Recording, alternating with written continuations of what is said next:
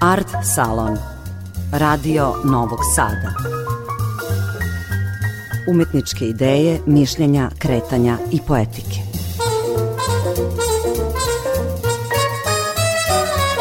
Dobroveče, dragi slušaoci. Tema večerašnjeg Arcalona je zaštita baštine, preciznije srednjevekovnog graditeljskog nasleđa kao izraza i odraza trajanja u svoj svojoj istorijskoj i duhovnoj složenosti i potrebe da se ta autentičnost očuva za sutrašnjicu.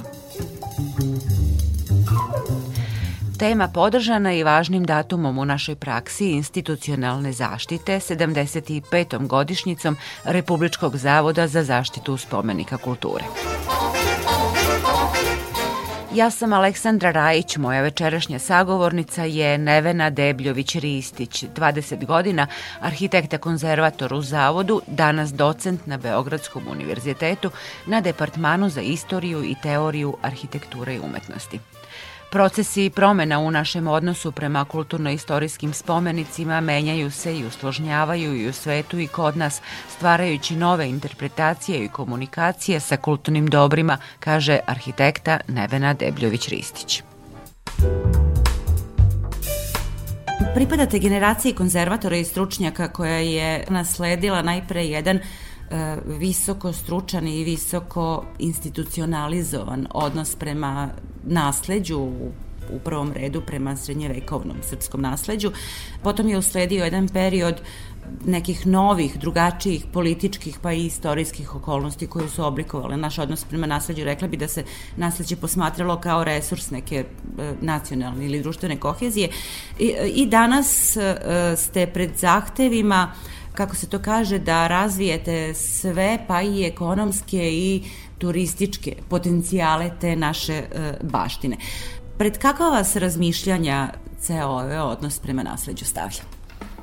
Nasleđe je inače jedan veoma kompleksan pojam pod nasledđem podrazumevamo mnogo toga.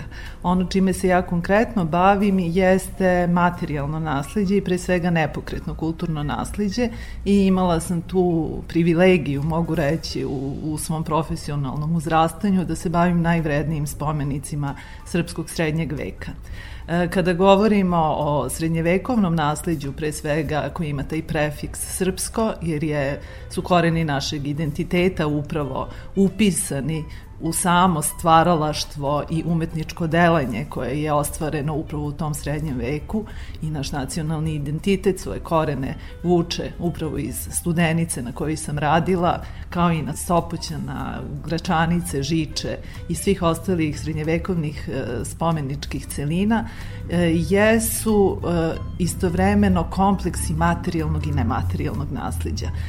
Kada posmatramo nasledđe u celini, mi zapravo ne možemo odvojiti ono što pripada materijalnom od onoga što pripada nematerijalnom, jer sam život koji određuje to nasledđe je e, te komplekse održao u životu, kao što je recimo studenica koja ima svoje neprekinuto trajanje više od osam vekova i zapravo taj život, monaški način života je odredio e, trajanje i opstajanje nasleđa. Institucije koje se bave očuvanjem nasleđa su mlade i a, ono što možemo reći jeste da recimo u prošloj godini jedna od najznačajnijih institucija kulture koja se bavi očuvanjem E, nasleđa u celini, pre svega nepokretnog nasleđa, jeste Republički zavod za zaštitu spomenika kulture, koji je prošle godine obeležio, obeležava ga i dalje, e, svoj veliki jubilej, znači 75 godina postojanja i to je zapravo jedna e, izuzetno važna, jedna od najvažnijih institucija nacionalnih koje se bavi očuvanjem,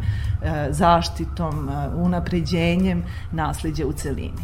Republički zavod za zaštitu spomenika kulture mogu bez e, ikakve skromnosti reći e, da je bila moja kuća u kojoj sam porasla i odrasla kao jedan e, sada mogu reći sasvim zreo stručnjak, konzervator koji je imao priliku da u živom dodiru sa, sa najvrednijim nasledđem koje je naša država posjeduje, koje se nalazi na listi UNESCO-ve baštine, trasira i svoj profesionalni put, ali doživi i tu uh, privilegiju uh, odnošenja prema nečemu drevnom.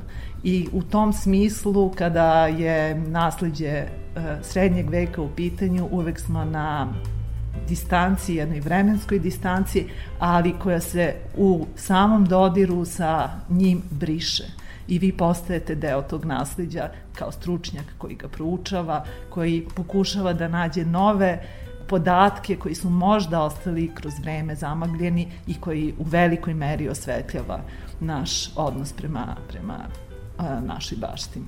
Šta zapravo savremeni konzervator gleda u toj baštini? Između ostalog, koliko vam komplikuje pogled na baštinu to što je ona istovremeno i verski objekat e, i naša kulturna baština? Pa iskreno iz mog ličnog iskustva to nikada nije bio kamen spoticanja to što je e, spomenik kulture i zapravo jedan e, istorijski osvrt na vreme i na istorijske okolnosti u kojima je nastajala služba za zaštitu i očuvanje spomeničkog nasliđa jeste na neki način i trasirala naš odnos prema nasliđu. On se menja i nasliđe je živa stvar, to nisu e, zaleđeni spomenici koji, koje mi moramo posmatrati i čuvati isključivo u njihovom materijalnom i istorijskom obliku. Odnos konzervatora i konzervacije prema nasledđu se isto tako u velikoj meri menjao kroz vreme. E, na, naši prethodnici, od kojih smo mi mnogo učili, oni su pre svega e, nasledđe i sakralno nasledđe posmatrali mnogo više kao spomeničko nasledđe. Dok generacije e, konzervatora koje ja pripadam na potpuno jedan drugačiji način i sagledava i percepuje i doživljava nasledđe. Prosto su se i same društvene okolnosti promenile. Šta je to novo? Ja bih rekla da je to neki integralni, integrativni pristup zapravo uh, pa, Jeste, tu ste potpuno u pravu, jeste integrativni pristup i taj kako bi danas uh, savremeni uh, heritolozi nazvali holistički pristup nasledđu gde vi neodvojivo posmatrate sve aspekte i istorijske, i duhovne, i materijalne, i nematerijalne i tako dalje. Međutim, ono sa čime smo se mi kao, kao generacija konzervatora susreli u odnosu u razlici na naše prethodnike, od kojih smo mnogo učili kada je u pitanju tehnička zaštita e, same spomeničke baštine, kada je u pitanju e, praktična konzervacija, znači degradacija materijalnih e, vrednosti u smislu degradacije materijala od koga je sazdana, nedostatak pojedinih arhitektonskih elemenata koje je trebalo restaurirati, nadograditi i tako dalje, što je osnova konzervacije, gde se ne sme preći ta granica između pretpostavke i stvarnog fakta. Zapravo, ta granica koju, koju čini restauracija mogućom jeste da imamo dovoljno materijalnih podataka koji će nam osvetliti put da određene ili arhitektonske elemente ili arhitekturu u celini ponovimo u svojoj istinitosti. E, trenutak gde se zaustavlja restauracija je trenutak kada na, na scenu e, stupa pretpostavka. Stoga je zapravo ta konzervacija u svojoj biti materijalna, ako mogu reći. Ali odnos prema konzervaciji se menja u smislu što e, su generacije konzervatora pre moje, mo, naših generacija pre svega radile na tehničkoj zaštiti. Dok e, je celokupna desekularizacija društva koja je nastupila 90. godina promenila naš odnos prema nasleđu ne zato što smo mi to tako hteli ili želili, nego su se prosto društvene okolnosti menjale, a sa tim društvenim okolnostima se menjala i svest o tome šta nasleđe jeste.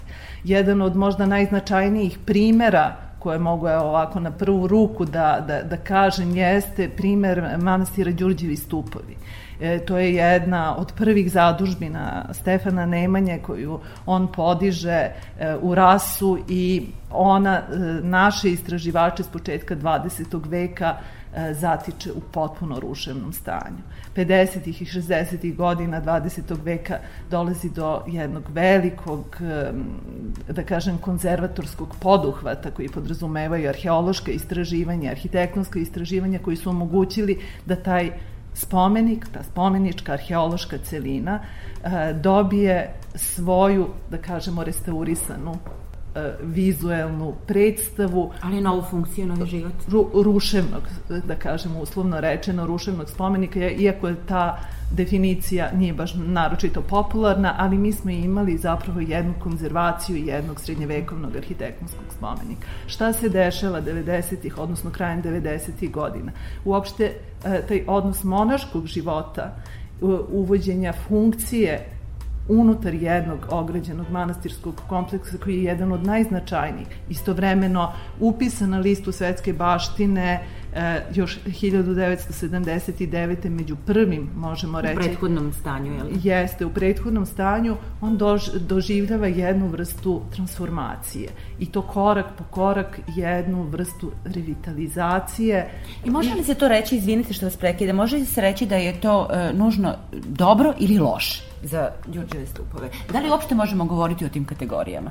Um, pa ja se nikada ne bih u tom dijalektičkom smislu opredelila za jednu stranu, ni dobru ni lošu. Uh, ona je u trenutku kada je konzervirana sa svim elementima koji su bili dostupni za njegovu konzervaciju, uh, u datom trenutku predstavljala zapravo uh, ono što je što što su istraživanja u tom trenutku donela.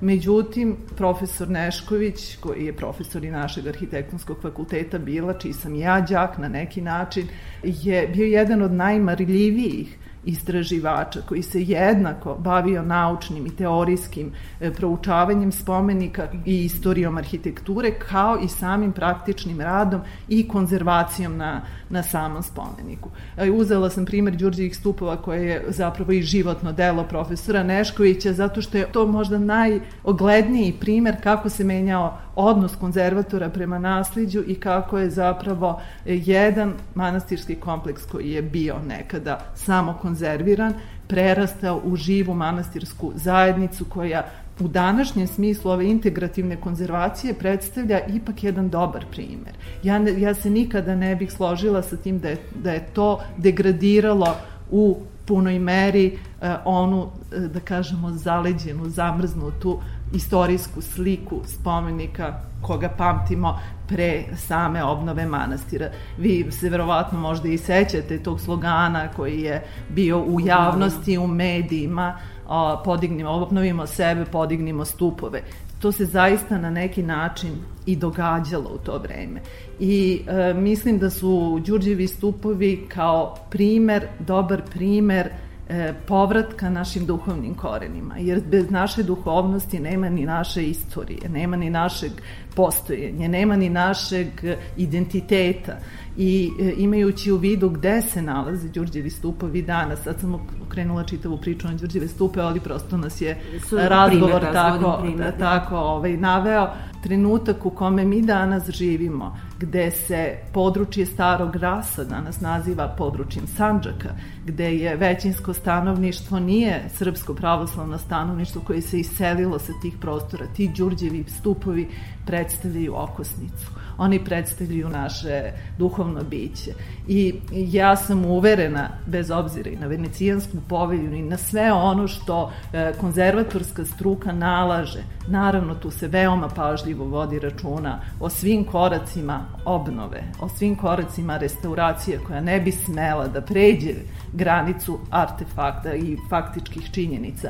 Ali opet, kada stavimo na taj tas ono šta ona jeste u, a, ajde da kažemo, duhovnom smislu za, za čitav srpski narod, sprem onoga što su njene isključivo spomeničke vrednosti, ja svakako stajem na stranu života i manastirskog e, okruženja kojim pre svega u prvom e, redu upravljaju monasi čije je to i kuća i dom Boži i baština i baština koju oni na neki način sada prezentuju i predstavljaju. Nisu više konzervatori ti koji predstavljaju baštinu e, spoljnom svetu, nego ovi domaćini koji e, su zapravo pravi upravljači e, samih manastirskih celina koje su danas kod nas i tekako žive. Mene zanima koliko je takvo vaše razmišljanje neko karakteristično za ono, e, za poglede stručnjaka na ovu baštinu. Dakle, taj jedan ako mogu tako da kažem, ravnotežni stav između onoga što jeste istorijska autentičnost i onoga što je živi, odnosno funkcionalni manastir, manastirska celina. E, čini mi se da je vaše pitanje odlično, zato što ta ravnoteža koju treba uspostaviti između ovog života o kome govorimo i svih vrednosti koje život po sebi nosi, spram onoga što baština mora da zadrži i onoga što baština ne sme da izgubi kada je u pitanju e, konzervacija i sakralnog i profanog nasliđa, jeste upravo ta mera za tu meru morate imati jako puno znanja pre svega. Morate se baviti ozbiljno istraživanjima, istraživanjima na terenu, istraživanjima artefakata, istraživanjima istorijskih izvora, istraživanjima svakog komada arhitektonske plastike da biste u topografiji nekog spomenika mogli da nađete njegovo mesto, da biste tu autentičnost spomenika pojačali, da biste i vratili neka obeležja koje ona vremenom kroz istorijski proces izgubila. Međutim, u današnje vreme, gde se nema vremena gde, se, gde su zahtevi preveliki, prebrzi, gde i crkva sa svoje strane ima svoje prohteve, zahteve, svoje potrebe, gde konzervatori već sami po sebi e, su jedna mala grupa stručnjaka koja pokriva ogromne teritorije, e, užasno veliki broj spomenika i sakralnih i profanih i različitih konfesija. E, dolazi s jedne strane do e, neravnoteže e, između e, konzervatorske struke, odnosno kapaciteta konzervacije spram potreba koje imamo sa, od strane ne samo sakralne baštine koju, koju smo sad uzeli kao primer, nego uopšte sprem baštine. Možda je najveća, najveći nedostatak i u obrazovnim procesima i u procesima smene generacija. Mislim da u Srbiji, kada su institucije kulture u pitanju, je svuda jednako loša situacija po pitanju smene generacija. Jer dolaze mladi na mesta onih koji su čitav život posvetili konzervaciji, oni odlaz i nema preklapanja. Znanja koja su mogli da steknu u tom paralelnom radu sa starijim kolegama i sa starijim konzervatorima, je čak i to znanje koje se može dobiti instant, ako mogu reći, vi niste u prilici da mlađim kolegama danas priuštite. I e, prosto dolazi do jedne vrste neravnoteže u smislu odgovora na zahteve, da smo mi dovoljno ne samo potkovane, nego da imamo dovoljno vremena da istražujemo da bismo došli do idealnog e, modela za recimo e, rekonstrukciju određenog, određenog objekta unutar manastirskog prostora, mi se nekako u, u toj situaciji borimo sa E, zahtevima savremenosti, sa zahtevima konzervacije s druge strane. E, ono što hoću da kažem, kada su konzervatori i konzervatorska struka u pitanju, mislim da nikada konzervator ne napravi grešku svesno. Mislim da svaki konzervator u velikoj meri, u najvećem broju slučajeva, teži i trudi se da odgovori na zahteve. Situacije su nekad nepovoljne, pa vi ste u, nemoći da odgovorite do kraja po svom moralnom i etičkom opredeljenju da odgovorite do kraja e, po principima svim ovim o kojima smo govorili. Ali sa druge strane, okolnosti u kojima živimo vrlo često turbulentno menjaju poredak stvari. Kako onda donosite odluku? To je, to, je, to je vrlo složeno pitanje i mislim nemoguće je dati odgovor kako se donosi odluka. Odluku donose uglavnom određena tela koja se formiraju, koje institucije formiraju, recimo Republički zavod za zaštitu spomenika e, formira telo koje se naziva stručni savet, koji čine najeminentniji stručnjaci koji odlučuju o određenom projektu i od, pogotovo kada su spomenici od izuzetnog značaja u pitanju. I e, zapravo je tu tu, tu neko bojno polje gde se donosi neka zajednička odluka šta učiniti sa određenim zahtevom. Vreme istraživanja i e, dugotrajnog procesa promišljanja i razmišljanja o samom spomeniku je prošlo, nažalost. I mi smo svedoci da moramo odgovarati na zahteve brzo i efikasno, što su nekad nesagledive posledice po kulturno nasledđe. E, naročito taj period 90. godina je bio užasno turbulentan, užasno težak za, za srpski narod u celini, a samim tim i za konzervatorsku struku gde su se negde, čini mi se, izgubile te uzde naučnog proučavanja spomeničke baštine. Istovremeno kažete da struka e, nimalo ne zaostaje za e, svetskim standardima, odnosno nivoima. E, nekako mogu reći da je to tradicija. To nije obeležje generacija u kojima mi živimo. E, konzervacija je možda utemeljena u ovoj zemlji na čvrstim osnovama. I nekako naši prethodnici koji su trasirali put još od Valtrovića i Milutinovića koji su prvi đaci nemački koji su prvi doneli ideju o, o, o čuvanju nacionalne bašnje, o značaju nacionalne, o značaju naciona kao takvog, e, su oni koji su postavili temelje. E, institucije zaštite, kao što i Republički zavod, su imali eminentne stručnjake koji su zaista u korak sa savremenim principima konzervacije i e, primenjivali principe i obučavali se i nadograđivali svoje znanja odlazeći u inostranstvo, odlazeći na simpozijum, bivajući u telima, internacionalnim telima kao što je recimo ICOMOS koji i danas postoji kao ICOMOS Srbije, koji su uh, svoja znanja, odnosno svoja znanja sticali u razmeni iskustava i znanje i sa kolegama u nekom širem okviru. Danas je to naravno znatno lakše sa novim tehnologijama, sa e, mogućnošću da vi određenim e, simpozijuma prisustujete i online i preko različitih e, drugih mogućnosti dolazite do saznanja o tome šta je šta su putevi savremene konzervacije, odnosno moderne konzervacije, te u tom smislu mi nikako ne zaostajemo, ali opet se vraćam na problem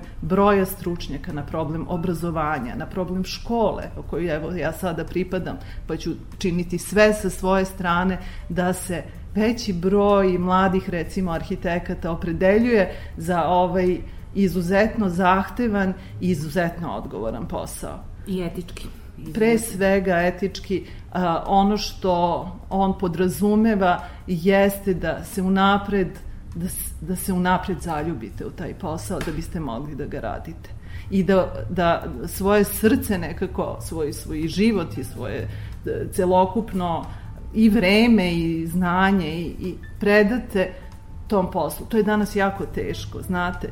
Teško je e, uopšte ukazati na taj dugotrajni proces koji morate proći, da, da, da ne možemo uraditi nešto danas za sutra, da mora proći nekoliko godina da bismo određenu stvar uspeli u celini da zaokružimo. Sopoćani su, na primer, primer tog jednog uh, dugog uh, duhovno i estetski, evo i etički jednog kompleksnog odnosa prema toj manastirskoj celini, u ostalom zbog toga su i na listi svetskog nasleđa, zaštićenog svetskog nasleđa. Radili ste na Sopoćanima, sada rekli ste radite na Studenici. Zapravo šta je to o čemu sad razmišljate i na čemu radite? Kada su u pitanju Sopoćani, imala sam tu, tu, da kažem, sreću da radim na jednom izuzetno dragocenom i značajnom projektu kada je u pitanju katolikom, kada je u pitanju Crkve Svete Trojice. E, taj posao sam nekako eh, nasledila od svoje starije koleginice Olivere Kandić koja je provela čitav svoj život radeći nekoliko najznačajnijih srednjevekovnih struktura eh, gde je u Sopoćanima on kao što ste vi sami rekli jedan dugi niz godina istraživan, znači posvećeno je jako puno i truda i vremena istraživanju manastirskog kompleksa, trasiranju, prepoznavanju arheoloških matrica koje su e, na neki način osvetlile E, koncept uređenja manastirskih celina, projekat e, koji je zapravo bio aktuelan kraj 70-ih, početkom 80-ih godina, gde smo mi na osnovu studenice na, nazirali kako su izgledali i drugi srednjevekovni spomenici e, u tom širem manastirskom okruženju, te su arheološka istraživanja dala neverovatne rezultate. U tom smislu studenica je bila uzor, jer je ona, kao što smo rekli na početku,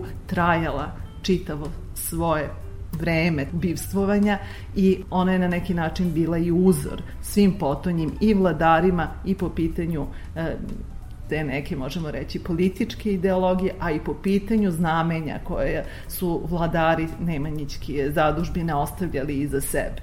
U, u tom smislu odnos studenice i Sopoćana uh, i onoga što sam ja radila je uh, na nekom istom tragu. S jedne strane sam eto, imala privilegiju da te te elemente arhitektonske plastike proučavam i dolazim do saznanja o njihovim karakteristikama, o njihovim likovnim, stilskim elementima, o pol, mogućem položaju njihovih mesta, što je naravno mi omogućilo dugogodišnje istraživanje mojih prethodnih kolega. Ja sam radila arhitektonsku skulpturalnu plastiku na, na, na crkvi Svete Trojice, odnosno vraćanje arhitektonskih elemenata na skulpturalne dekoracije i to mi je na neki način otvorilo put da i u Studenici nastavim da se bavim arhitektonskom skulpturom, koja je i najznačajnija i možda jedna od najvećih umetničkih ostvarenja u kamenu koje mi imamo, koja se nalazi i koja je sačuvana na, na Bogorodičinoj crkvi, te sam i na Bogorodičinoj crkvi eto, imala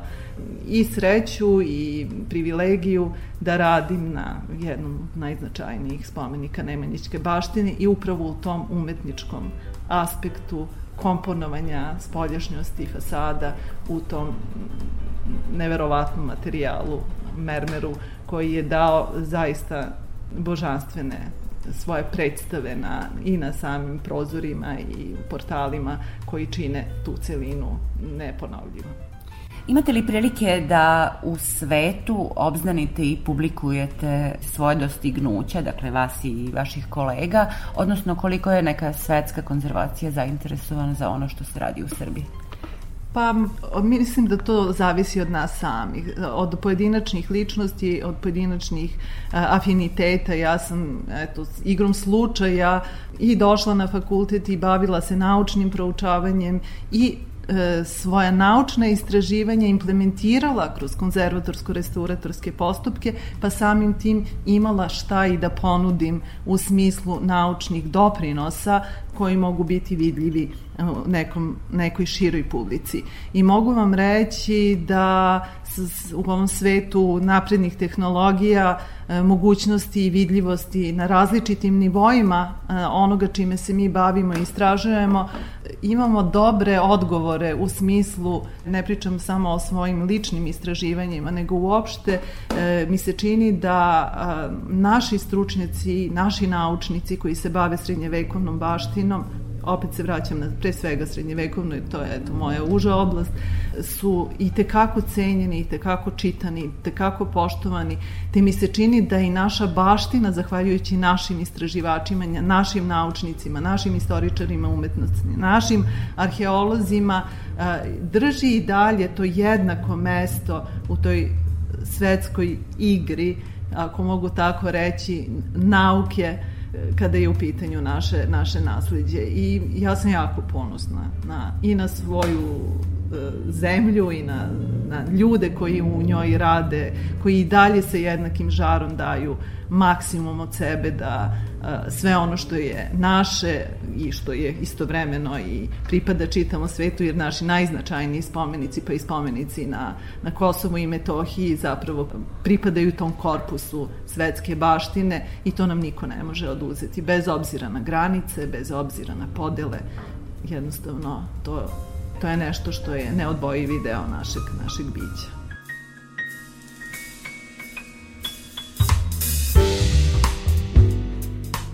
Slušali ste Art Salon o razumevanju i vrednovanju srednjevekovnog graditeljskog nasleđa, o novinama i pristupima govorila je Nevena Debljović-Ristić. Večerašnju emisiju realizovali su Zoran Gajinov, Dragan Vujanović, ja sam Aleksandra Rajić, želim vam prijatno i dobro veče i novi susret sledećeg utorka na talasima Radio Novog Sada.